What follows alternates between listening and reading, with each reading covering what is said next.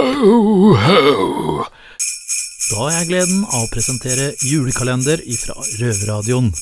Med gode tips og råd, og generelt godstemning. Selv nummer syv.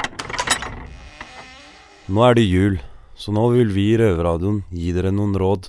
Nå i jula vil vi oppfordre dere alle til å tenke litt på deres nærmeste. Vi vil også oppfordre dere til å tenke litt på de innsatte i norske fengsler. Det er mange innsatte nå som kanskje sitter alene i jula. Jula er en vanskelig tid i norske fengsler, for da savner man familien, man savner venner, og man savner sine kjære. Og hvis dere tror at norske innsatte i fengsel har det lett og soner lett, så bør dere også kanskje tenke vil dere ha en nabo som slipper ut etter kanskje fem år i fengsel, som er snill, eller vil dere ha en som er bitter?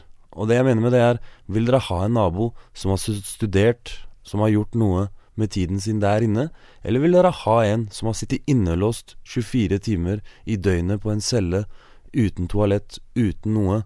I hvert fall, vi oppfordrer dere til å tenke litt rundt boksen, spesielt nå i jula.